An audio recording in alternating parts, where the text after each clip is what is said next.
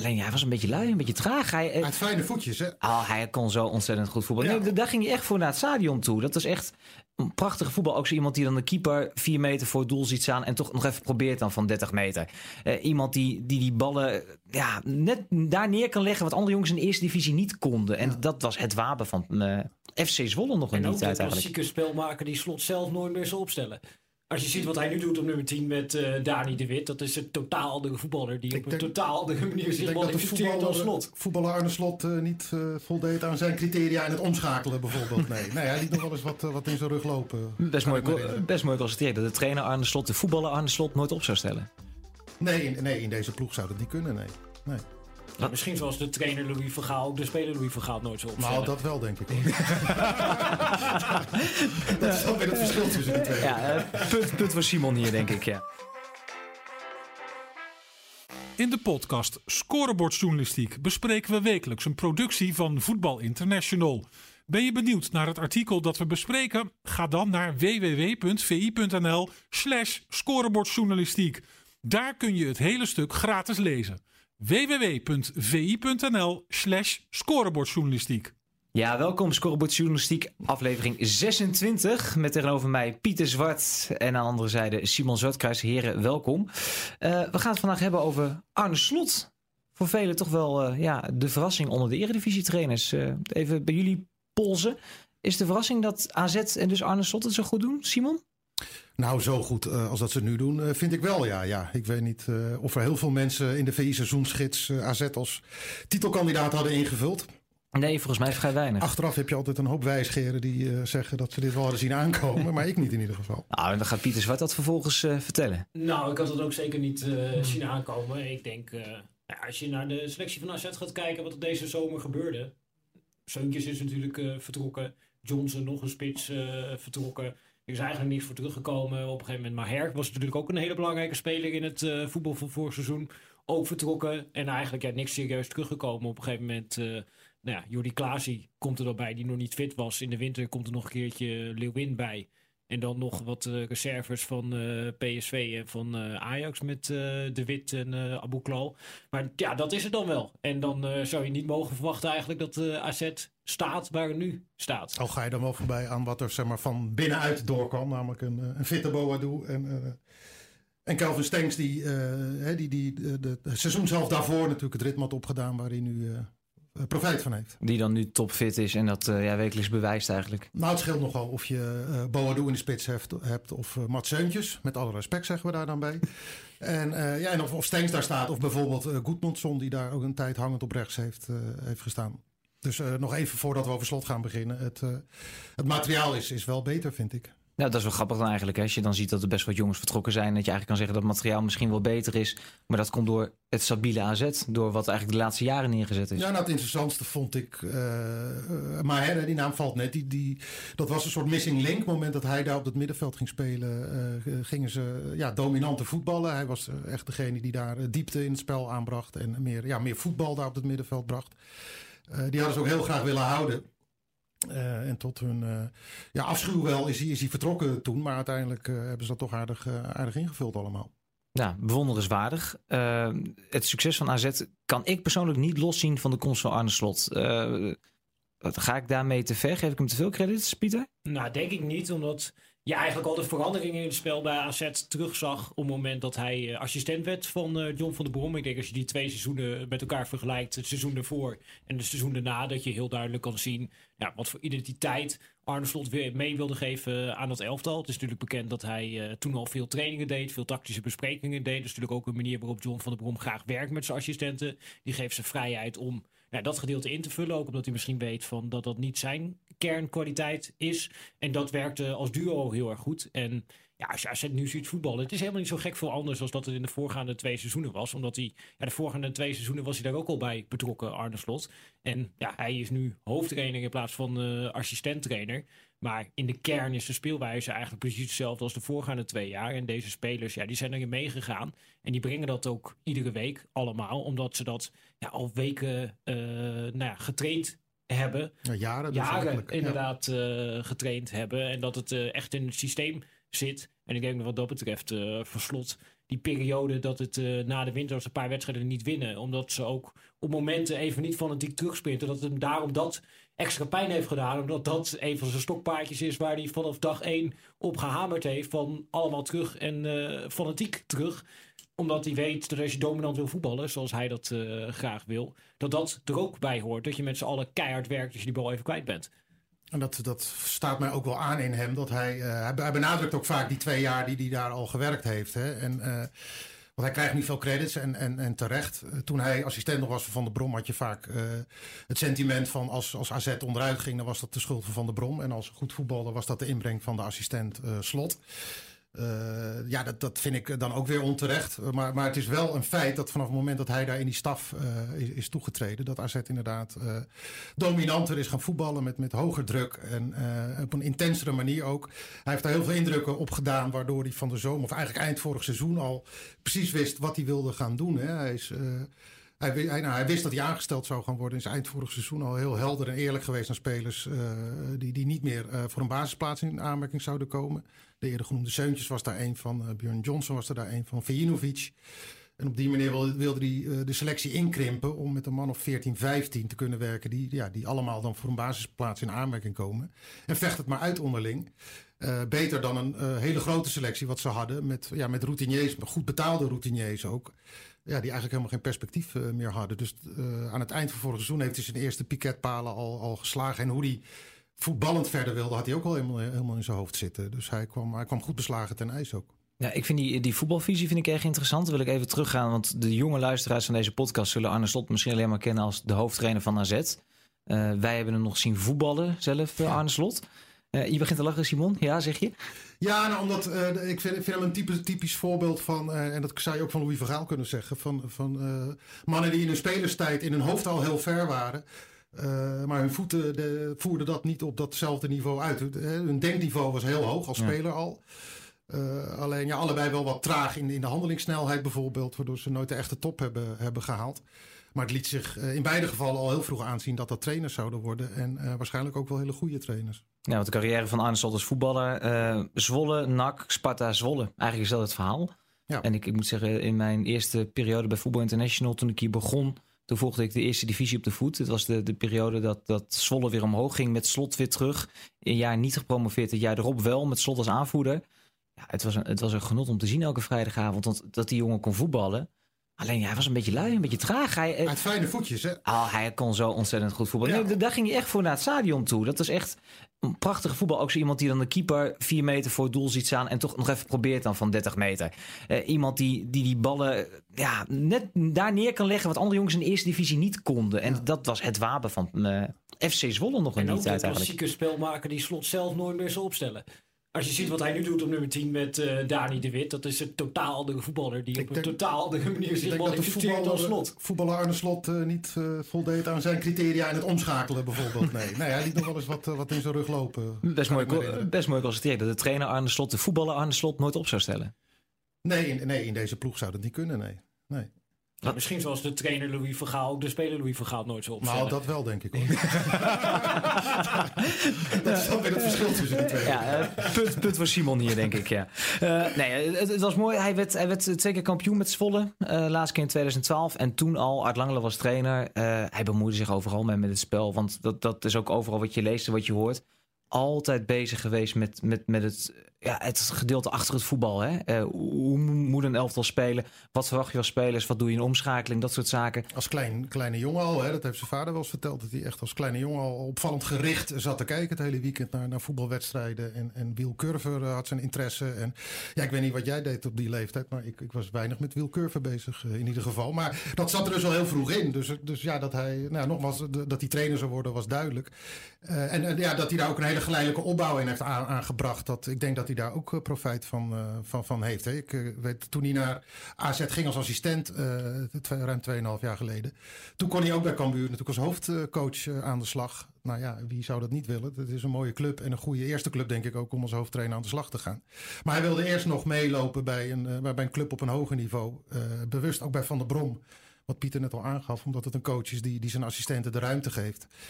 Uh, ja, gewoon heel goed over nagedacht hoe, de, hoe hij dat hele traject voor zich zag. Ja, want het woordje carrièreplanning valt al vrij snel bij Arne Slot. Uh, hij stopte als voetballer bij Zwolle. Toen werd hij trainer volgens mij van onder 14, zeg ik even uit mijn hoofd. Uh, en toen wilde hij, een jaar later wilde hij de onder 19 doen of assistent worden bij de eerste helft. Die kans kreeg hij niet. En toen ging hij naar Cambuur. En Pieter, vervolgens maakte hij dan bewust die stap naar AZ.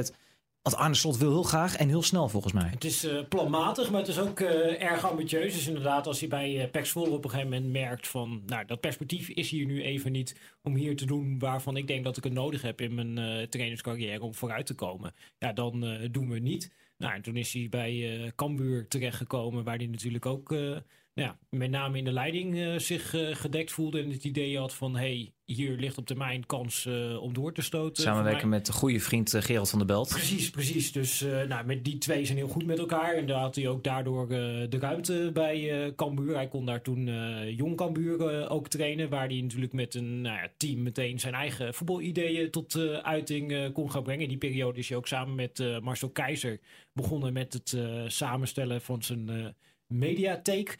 Waar die, Arne Slot heeft een soort van uh, ja, eigen database opgebouwd. Uh, opgebouwd aan de hand van nou, zijn spelprincipes, de ideeën die hij heeft over voetbal. En daar heeft hij dan allerlei beelden bij van ja, teams over de hele wereld die dan ja, soms een element daarvan goed uitvoeren. En als hij dan met bijvoorbeeld, nou, pak een beetje Owen Wijndal gaat zitten en hij heeft het over hoe ga jij je in de opbouw positioneren aan de binnenkant. Dat laat hij in beelden zien van David Alaba in de periode dat ja, Pep Guardiola trainer was voor Bayern München. En dan laat hij zien van op deze manier moet jij bij mij gaan spelen. En zeker bij uh, AZ ook is in die beginperiode zijn die spelers doodgegooid met uh, ja, beelden van de Pep Guardiola, Jurgen Klopp teams. Uh, maar ook inderdaad ja, allerlei andere trainers. er zit ook een Marcelo Bielsa en een Jorge Sampaoli. En nou ja, allerlei trainers die hippe dingen doen. Dan zit Slot er bovenop. En als het een beetje aansluit bij zijn visie, dan voegt hij de beelden in zijn mediatheek.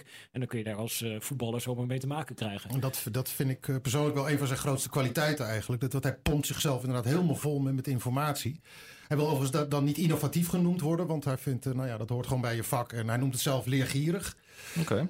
Uh, en nou goed, dat, zuigt hij allemaal op als, een spons. Maar vervolgens uh, weet hij dat als hapklare brokken naar zijn spelers te vertalen. Hè? Want hij zegt, ik, ik, ik, moet er geen hogere wiskunde van maken. Ik moet ze er ook niet meer lastigvallen met die ja, bij een maniacale zucht om, om, om op de hoogte te blijven van alle ontwikkelingen in het voetbal. Het is een taak van een, van een trainer om dat vervolgens inzichtelijk te maken voor spelers. En om daar oefenvormen bij te bedenken, waardoor je het kan, kan gaan uitvoeren ook. En dat moet je allemaal zo simpel mogelijk houden. Uh, niet, uh, ja, ook om het plezier in trainingen hoog te houden. Dat, dat heeft hij ook heel hoog in zijn vaandel staan. Hij zegt, spelers moeten iedere dag met plezier naar mijn trainingen uh, komen. Dus dat, dat, ja, dat, een heel groot deel daarvan houdt hij voor zichzelf. En wat bruikbaar is, dat draagt hij over op zijn spelers. En nou, daar moet je verbaal goed voor zijn. Nou, dat, dat, dat, dat is hij. Dat merk je als journalist ook. Hij kan heel ja. helder uitleggen wat hij wil en hoe hij daar wil komen. Maar dus ook naar zijn spelers. Maar even, ik, één ding, één stap terug nog. Ja. Een mediatheek. Hoe moet ik me dit voor me zien? Want een trainer met een mediatheek, hebben wij enig beeld hoe dat eruit ziet? Nou ja, ja ik heb hem wel eens gezien. Ik weet niet of jij hem wel eens uh, gezien nee, hebt. Nee, maar hij heeft er wel over verteld. Ja. En, en, Marcel Keizer heeft er ook wel eens over verteld. Uh, dat, nou ja, goed, jij hebt het gezien. Dus, uh, ja, ja, ja, het is eigenlijk inderdaad zo simpel als hij heeft het gecategoriseerd aan de hand van zijn spelideeën over voetbal. En die heeft hij uh, gedefinieerd in uh, spelprincipes. En dan kun je per spelprincipe, dus bijvoorbeeld de terugtokken voorzet, een van de dingen waar natuurlijk uh, bij AZ veel over gaat. Nou, dat is ook mede natuurlijk op basis van data dat hij weet van zo'n hoge voorzet heeft niet heel veel succes. Hij zit naar Barcelona te kijken, hij ziet, hey, die leggen hem vaak terug of die trekken hem hard en laag voor. Nou, dan heeft hij daar allerlei beelden bij. En op het moment dat hij dan bij een club binnenkomt, of dat nou Cambuur is of dat het nou AZ is, dan krijgen die aanvallers, die krijgen ja, enorm veel beelden te zien van die teruggetrokken en die lage voorzetten. Opdat ze maar niet meer. Als ze dan een hoge voorzet geven, moet het een vroege hoge voorzet zijn. Dan scoren ze natuurlijk uh, tegen ADO eigenlijk ook weer uit. Dus dat is uh, een momentje waar Mietje hem op een gegeven moment uh, hoog erin brengt, bal wegwerkt. Meteen druk en dan op die manier een penalty veroveren. En dat zijn momenten dat Arne Slot erg tevreden op de bank zit. Of eigenlijk voor de dugout staat. Maar ja, dat, dat, zo moet je het eigenlijk voorstellen. En ja, dat kunnen ze natuurlijk op allerlei manieren uh, verwerken. Bijvoorbeeld in nou, presentaties individueel richting spelers, maar ook als collectief.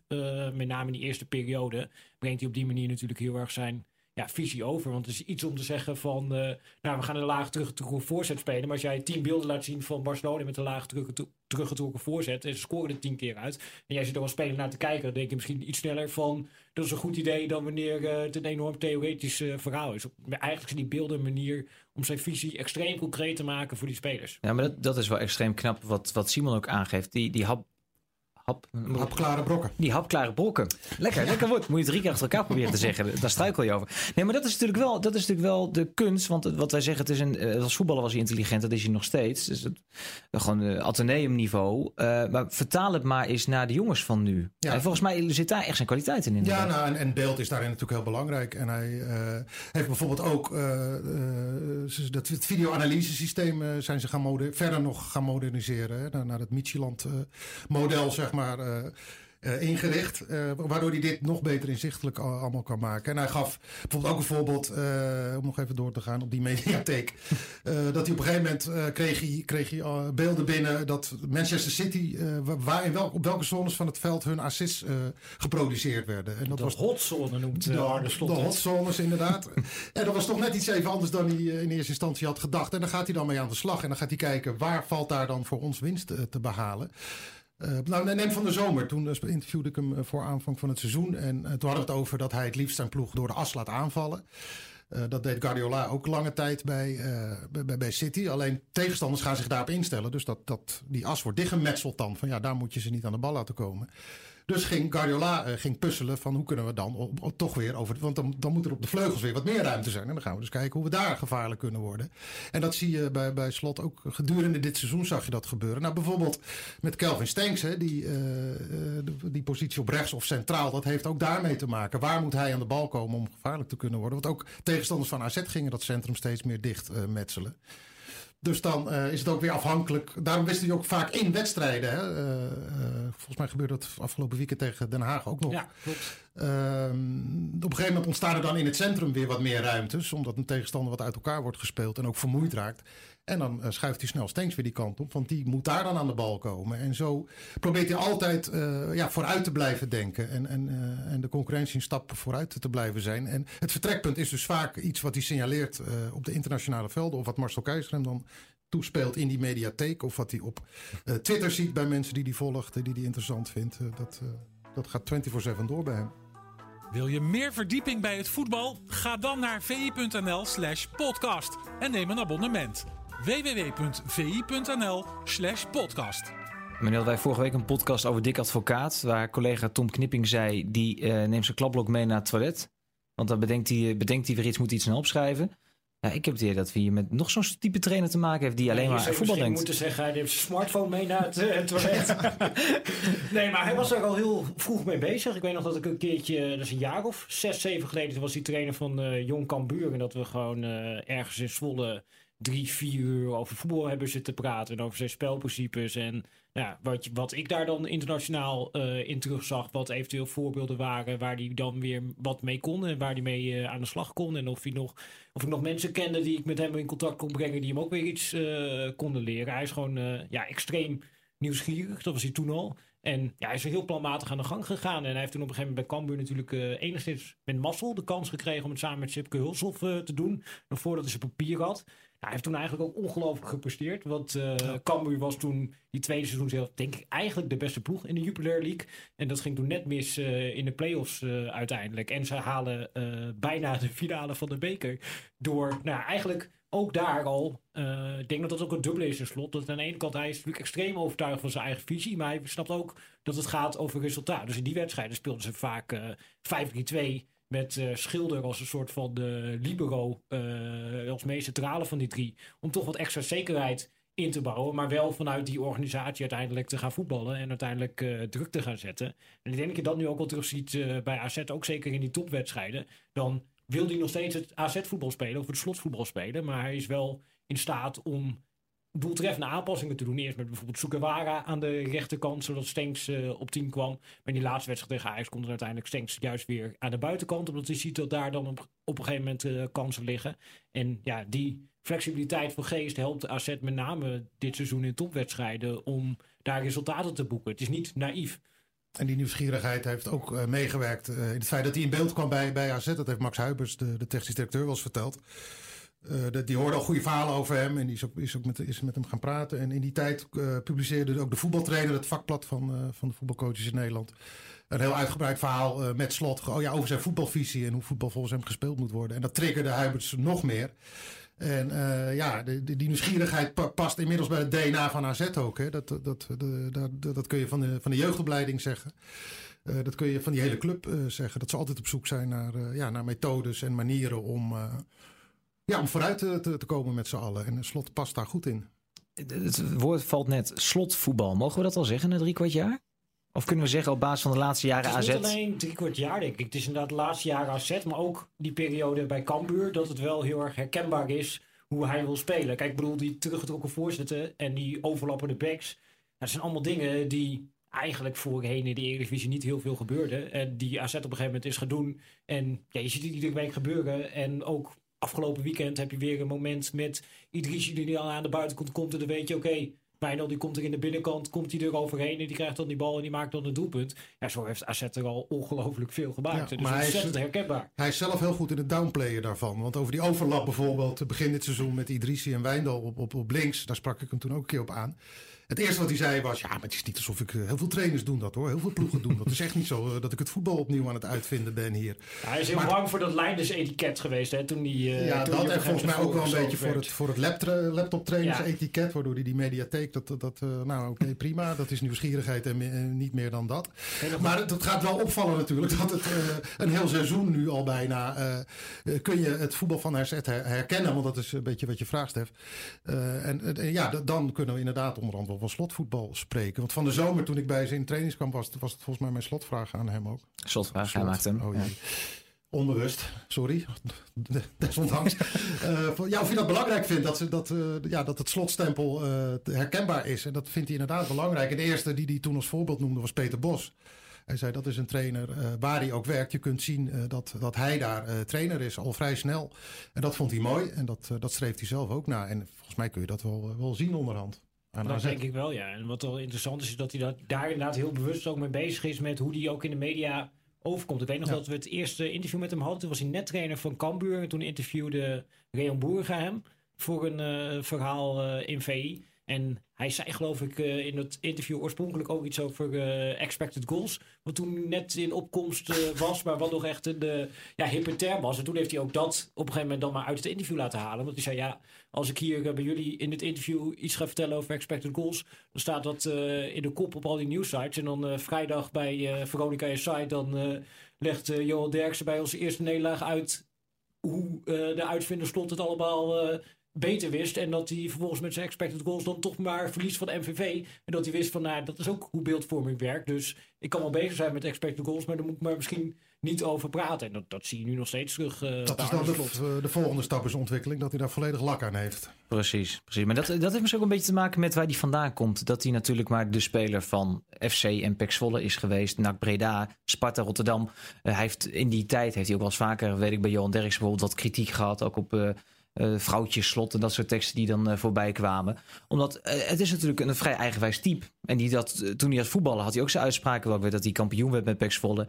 En dat hij toen toch eventjes de media en wat supporters ervan langs gaf van alle kritiek die hij had gekregen. En dat hij ook zei van ja, ze hebben bij mijn vorige club de fout gemaakt toen ze promoveerden met te laten gaan. Ik neem aan dat Zwolle die fout niet maakt. Want zo overtuigd van zichzelf is hij natuurlijk ook wel weer. En dat valt toch makkelijker als jij uit de Ajax-school komt of uit de Feyenoord-school dan wanneer je een speler van ja, Pek Zwolle bent. Ja, klopt. En, en, uh, nou, maar dat soort, uh, je ziet wel dat het zelfbewustzijn bij AZ uh, aan het groeien is, hoor. Natuurlijk ook door de, door de resultaten. nou, de ambities van de algemeen directeur Robert Eno, die zijn bekend. Hè. Die, zijn ambitieniveau is, is ontzettend hoog. Maar neem ook het hoofdopleiding Paul Brandenburg, die vorig, vorig jaar in een interview in VI had hij het over talenten opleiden op Champions League niveau.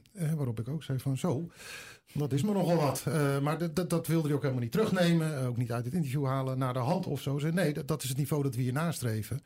En uh, nou ja, dus de slot kan gerust volgens mij ook wat meer zichzelf zijn onderhand in, in die uitspraken. Zonder dat hij hoeft te gaan nadenken wat Jantje of Pietje daar bij Rondo of bij Studio Voetbal van vindt. Zijn ze zelfs heel bewust mee bezig gegaan bij AZ. Ook aan de hand van Marijn Beuker, die daar in de opleiding een belangrijke rol speelt. Maar die steeds ook breder bij de club betrokken raakt. Zijn ze echt bezig geweest met: oké, we weten bij AZ heel goed hoe wij derde moeten worden, of tweede moeten worden, of vierde moeten worden. En dan kun je voor de winststop kun je wat wedstrijden verliezen. En dan op een gegeven moment begint het te lopen. En dan uiteindelijk uh, worden we derde en halen we misschien de bekerfinale. Dan is iedereen bij AZ heel gelukkig. En de volgende stap uh, voor AZ hebben ze voor zichzelf heel bewust gedefinieerd. Is we moeten in alles ja, gewoon hun niveau eisen dat nodig is om eerst te worden. Dat is natuurlijk ook heel erg Robert Eenhoorn, Amerikaans, winnen. En niet alleen, ja, wel leuk en we presteren beter dan begroting en uh, we zijn een sympathieke club en alles is goed. Maar ze wilden gewoon ja, in alles uitstralen van, ja, we gaan voor die eerste plaats en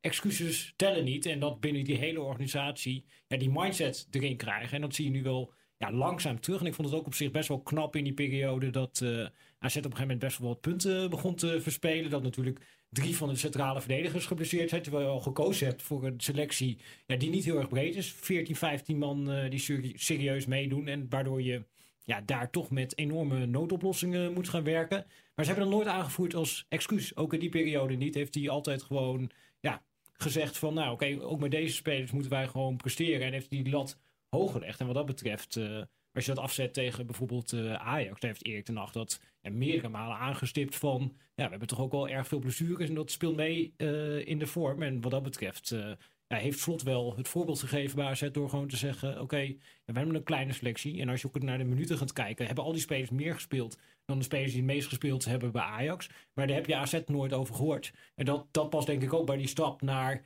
oké, we willen echt presteren. Ja, we doen geen excuses meer en we eisen gewoon het maximale. En dat is denk ik wel wat nodig is om uiteindelijk echt mee te kunnen doen om die titel. Is dan de volgende stap om die lijn door te trekken ook uit te spreken dat je voor de titel moet gaan? Dat denk ik wel, maar dat, dat doet hij inmiddels ook wel hoor. Tenminste, ik was uh, zaterdag bij die uh, persconferentie en dan uh, is hij ja, redelijk uitgesproken over de ambitie van ja, we moeten bij AZ voor de titel willen gaan. En we moeten, moeten willen gaan. ja, nou ja, goed, daar zit natuurlijk nog een, zit er nog ja, een kleine nuance in. Maar je merkt wel dat ze steeds nadrukkelijker durven uit te spreken van ja, wij gaan gewoon voor dat uh, kampioenschap. En het kan echt dit seizoen. En ja, dat zou natuurlijk een uh, ongelofelijke stunt zijn als het met deze selectie lukt. Uh, met alle respect voor deze selectie. Maar als je zeker ook in de breedte kijkt, ja, is gewoon veel minder dan de selectie van Ajax. Denk eigenlijk ook nog minder dan de selectie van PSV en Feyenoord. Als daar iedereen fit is. Ja, als je daarmee kampioen wordt, dan heb je echt een stukje geflikt. Simon, kan het? Ja, ja, dat zou vreemd zijn als je zegt dat het niet kan als we zo ver onderweg zijn in, in de competitie. Het is, uh, hun, hun, voornaamste ding zal zijn, uh, dat, dat gaf Slot vooraf aan, voorafgaand aan het seizoen al aan. Toen had hij ook weer alles op een rijtje qua cijfers en zo. En toen het seizoen, uh, het laatste seizoen van de Brom hadden ze 20 punten verspeeld tegen ploegen die lager dan AZ zijn geëindigd. En toen begonnen ze al wel wedstrijden te winnen van de, van de top, traditionele top 3. Maar daar was het dan vooral, hadden, ze het, hadden ze het laten liggen. Maar dat zie je dit seizoen eigenlijk ook weer gebeuren. Hè? Dus ze hebben 19 punten laten liggen. En allemaal tegen ploegen onder. En nou is het niet zo moeilijk als je bovenaan staat. Dan staat bijna iedereen ja. onder je. Uh, maar ja, er zaten aardig wat onnodige nederlagen tussen. Met name rond, rond de winterstop is dat een paar keer natuurlijk goed fout gegaan. Hè? Bij Sparta en, en tegen Willem II. En die bekerwedstrijd tegen NAC. Uh, uh, Veen uit dus rond de winter, maar die, die verliezen door een paar spelervattingen. Ja. Dat, dat, was natuurlijk ook echt een probleem uh, bij uh, AZ, wat ook uit de data bleek. Dat ze nou, A, te weinig scoorden, ook voor de, na de zin van slot uit spelervattingen. En daar B, te veel uit tegenkregen. En dat is dan ook echt een focuspunt geweest voor dit seizoen. Van, ja, we moeten meer scoren uit spelervattingen. Nou, nu staan ze daarin samen met ADO Den Haag bovenaan. Of staan ze nu zelfs boven. Omdat Koopmijn natuurlijk die vrije trap erin schoot tegen ADO. En ja, tegen, behalve die wedstrijd tegen Herenveen, hebben ze ook niet heel veel tegengekregen uit spelervattingen. Dus dat is ja heel bewust van: oké, we zien in de data dat dit eigenlijk niet goed genoeg gaat. Oké, dit moeten we verbeteren. En dan gaan ze daarmee aan de slag. En dat lukt ook. En Slot zegt ook heel vaak van ja, we zijn dan dominant en we hebben controle. En dan is het heel belangrijk dat je, dat ging natuurlijk vorig seizoen vaak mis. En dan eerste kans tegen, stonden ze met 1-0 achter. En dan heb je in één keer een hele moeilijke wedstrijd. En want de spelervatting of uh, net een counter, dat dat zo'n wedstrijd ja, kan openbreken. En dan krijg je meer ruimte, dan wordt het makkelijker. En ja, dat hebben ze dit seizoen uh, wel goed toegepast om vaker met uh, spelervattingen de band te breken. Maar ze zijn wel nu in, in de fase beland en op het niveau beland dat ze, dat ze het zelf in de hand hebben hoe lang ze bovenin mee blijven doen om die, om die titelstrijd. Want ik bedoel, nou, alle, alle toppers winnen ze. Of dat nou in Alkmaar is of, of op verplaatsing. En ehm, die- een paar van die nederlagen die, we- die net zijn langsgekomen, die waren heel duidelijk aanwijsbaar. Eh, de, de oorzaken waren eh, duidelijk aanwijsbaar. Met name in de omschakeling ging dat een paar keer mis. En dan, eh, omdat ze zo aanvallend voetballen, geven ze de, geven ze de ruimtes weg. En daar werd, nou, met name Willem II en NAC, hè, dat waren wedstrijden die kort op Ja. elkaar zaten. Dat waren, waren bijna kopieën van elkaar, die, die twee wedstrijden, als je naar de tegengoals kijkt. En, eh, maar dat hebben ze snel weten, weten om te buigen weer. Want tegen, nou, met name die wedstrijd van dit weekend tegen, tegen Den Haag. Toen weer zo'n roedel wolven achter die, bal aan als, als ze hem kwijt waren. Hadden ze hem binnen, binnen twee seconden terug af en toe. En ja, dat, dat is de kracht ook van, van dit AZ. Hè. Verslot zegt wel eens van... eh, de, de, mate, of de, de manier waarop je aanvallend kan voetballen... wordt bepaald door wat je doet als je de bal niet hebt. En daarmee doelt hij niet alleen dan eh, het terugsprinten... maar ook ja, hoe hoog sta je als elftal als je die jacht eh, begint. Hè, waar, waar verover je hem terug, zodat je weer eigenlijk... Als je, hem- als je hem weer in bezit hebt, alweer bijna bij de goal bent. En dat, eh, dat, dat zag je tegen Den Haag bijvoorbeeld weer heel duidelijk terug. En dat is ook een manier waarop ze Ajax eh, aan het opjagen waren die week ervoor. Ja, nou, en een week eerder tegen Pek Zwolle ook al. Dus ze hebben Ja. het gewoon vrij snel hebben ze dat weer opgepakt, wat jij zegt. Wat ook alweer een kwaliteit is van een relatief jong en onervaren elftal. Wat dat dan gaat. Ja, maar dat, dat, dat valt wel op ook aan, aan de jongens die doorkomen uit, die- uit die jeugd. Die, die, die, hebben, die hebben toch wel allemaal een bepaalde volwassenheid in zich, vind ik. Als je Koopmeiners ziet, dan, dan heb je het idee dat die jongen 30 is of zo. Eens? En ook Ja. hoe belangrijk hij is in de sturing van die ploeg. En in het, eh, in het aanjagen en in het bepalen van het ritme. Ja, dat is gewoon hartstikke jongens, jong oranje speler. En eh, dat, dat geldt eigenlijk voor heel veel jongens. En ook als je jo- jong AZ ziet spelen of onder 19. Dat, ze- dat, ja, Foppe zou zeggen, daar zit een goede kop op. En daar is echt aandacht voor ook in die opleiding. En dat, ja, volgens, mij zie je dat terug. Nu, nu gaat het uiteraard nu over de titelstrijd en terecht. Maar de- de komende weken gaat het natuurlijk ook weer over de toekomst van bepalende spelers. Hè? Wat gaat Stengs doen, wat gaat Boadu doen? Eh, nou, het rijtje wordt waarschijnlijk best wel lang met jongens waar interesse voor komt. Dan kijk ik naar de hoofdtrainer en dan vraag ik me heel sterk af... ja, wat, wat gaat Arne Slot doen? Hij is pas één jaar bezig, maar ja, tegelijkertijd... als je zo je stempel weet te drukken op zo'n elftal... ja, dan, dan gaat ook interesse voor hem komen. Ja, nou ja, het meest logische zou zijn als, als een van de Nederlandse traditionele topclubs.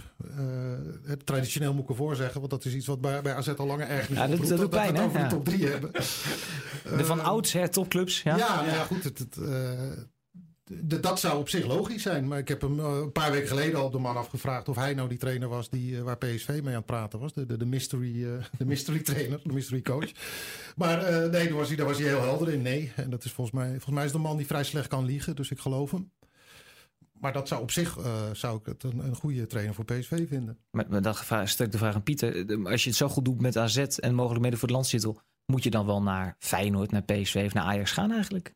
Dat is een goede vraag. Ja. Eh, richting zijn spelers geeft hij eigenlijk natuurlijk geregeld aan van, nou ja, ik vraag me af of er nou daadwerkelijk een stap omhoog is. Heeft het zin eh, voor Stengs of Boadu om naar Ajax te gaan? Precies. Nou, en als hij die redenatie voor zichzelf doortrekt, dan heeft dat misschien voor zichzelf ook weinig zin. Maar ik kan me ook wel voorstellen dat als die kans zich wel voordoet, dat eh, hij dan misschien ook wel iemand is. Ook mede op basis van zijn track record tot nu toe. Hij heeft wel altijd ook gekeken wat het beste is voor de trainer Arne Slot. En wat de volgende stap is voor de trainer Arne Slot. En ik denk dat de trainer Arne Slot in ieder geval AZ niet ziet als zijn eindstation. Dus die wil ook vanuit AZ, net als de, de spelers van AZ, op een gegeven moment ja, een stap vooruit maken. En of dat dan eh, de Nederlandse top gaat zijn, of dat dat het buitenland gaat zijn, ja, dat, dat wordt nog even afwachten. Maar ik denk dat hij misschien ook wel juist inderdaad heel graag richting buitenland wil. Maar dat hij misschien ook wel weet dat hij met AZ achter zijn naam, dat hij minder makkelijk in pakken beter Premier League terechtkomt dan wanneer je bijvoorbeeld met Ajax achter je naam eh, de sollicitatieprocedure zou in kunnen gaan. Maar ik denk dat ook voor hem gaat gelden wat, eh, wat, wat ze bij AZ hopen. Ook voor spelers gaat gelden. Dat als ze eh, zich gaan plaatsen voor eh, de Champions League of de voorronde van de Champions League. Dat dat aantrekkelijk is voor de spelers die jij net noemt, Stef. eh, om, om er toch nog een jaartje aan vast te plakken. Omdat dat eh, het podium is waar, waar iedereen op wil, eh, wil shinen. Maar dat het ook voor de trainer geldt. Want hij is, ik bedoel, het is natuurlijk niet zo dat eh, na dit seizoen Re- Real Madrid of Barcelona of, eh, of City voor hem op de stoep eh, zal staan. En dus dit is, zou dan ook voor hem een uitgelezen mo- mo- moment zijn om, om de Champions League in te kunnen gaan. En dus ook voor hem een reden om, te, om langer te blijven. Nou, en die kans gaat zich mogelijk voordoen. Want de eerste plek is direct Champions League. En de tweede plaats is voorronde Champions League. Deze week in de VI en of VI Pro een eh, uitgebreide enquête eigenlijk eh, in de voetballerij over het succes van AZ. Waarin we ook flink inzoomen op eh, ja, de rol van Arne Slot. En ja, antwoord op de vraag, gaat AZ kampioen worden of niet? Het verhaal is gratis te lezen op vi.nl slash scorebordjournalistiek. Heren, tot slot even de glazen bol pakken. Eh, Arne Slot is 41 nu. Dus even kijken, als die 647 is, waar is die trainer? Heel lang stilte hier. Ja, wauw. Eh, Ik had hier nog niet over nagedacht, Nee, gezegd. eh, ik zeg eh, club eh, categorie eh, Everton. Een mooie stap, mooie stap, Pieter. Ja, misschien een club als eh, Dortmund of zo. Ik kan me wel voorstellen dat die, eh, dat die in de Bundesliga, dat, dat zo'n competitie, dat dat wel zijn ambitie zou kunnen zijn om eh, daar een keer aan het werk te gaan. Maar dan gaan we er wel van uit dat hij dus doorgroeit en dat hij dus of de Premier League of de Bundesliga haalt. Dus we verwachten wel veel. Ja, maar ja, hij heeft het in zich. En eh, om, om goede trainer te worden, hè, want het is, dit is nog geen toptrainer. Dat, eh, da- daarvoor is hij gewoon tekort bezig. En eh, het, het wordt natuurlijk sowieso interessant. Kijk, AZ is natuurlijk een club toch die relatief in de luwte is als je het vergelijkt met, met de top drie in Nederland. De traditionele top drie. Eh, de, wat- de, de, de, de grootte van de achterban en de druk van ons, van de media. eh, dat, is allemaal in een veel grotere heftigheid toch dan bij AZ. Hij kan daar eh, toch relatief op zijn gemak eh, werken. Wel met dat hoge ambitieniveau, maar dat past bij hem. Dus dat vindt hij alleen maar prettig. Maar ze werken daarmee met, met eh, open trainingen. Iedereen kan komen kijken. Het is dus allemaal heel transparant. eh, en zelfs eh, ondanks dat heb je weinig rellen, weinig gedoe over, eh, over dingen die er op het trainingsveld gebeuren of achter de schermen gebeuren. Het is op dit moment echt volgens mij een prettige club om te werken. En eh, ik, hij moet ook eh, hierna gaan bewijzen dat hij dat kan bij een club die bij het minst of geringst, geringst in de fik staat. En wat dat betreft denk ik ook wel dat hij het een en ander geleerd heeft van zijn vriend eh, Marcel Keizer en de avonturen daar. Die kwam Ja. natuurlijk bij Ajax terecht midden in een politiek gevecht en in Ja. een wespennest. Die is daarna nog bij Sporting geweest. Dus wat dat betreft natuurlijk ook een eh, ervaring op zichzelf. En misschien dat Slot daar ook wel van geleerd heeft. zeker met zijn ervaringen bij eerdere clubs. Bij Cambuur waar hij de dekking had van de leiding. Nu heeft hij weer de dekking van de leiding. En dat je dan lekker rustig kan werken en bezig kan zijn met je visie en met eh, de voetbalinhoud vormgeven. Waar als je bij een club zit waar het boven je onrustig is, dat ja, eigenlijk datgene waar hij echt goed in is, dat je daar misschien bijna niet aan toe komt, omdat je de hele dag eh gezeik hebt. En dat hij daar eh, in zijn keuzes die hij na AZ gaat maken wel rekening mee gaat houden. En dat dat misschien ook wel maakt dat hij minder snel komende zomer al zal zeggen, nou ik stap ergens anders in. Omdat ja, hij gezien heeft van als je ergens instapt waar het op dat moment extreem onrustig is, dat dat ook je carrière een soort van in de knop kan breken. Dus volgend seizoen zit hij nog bij AZ. Bij deze. Dank jullie wel, heren.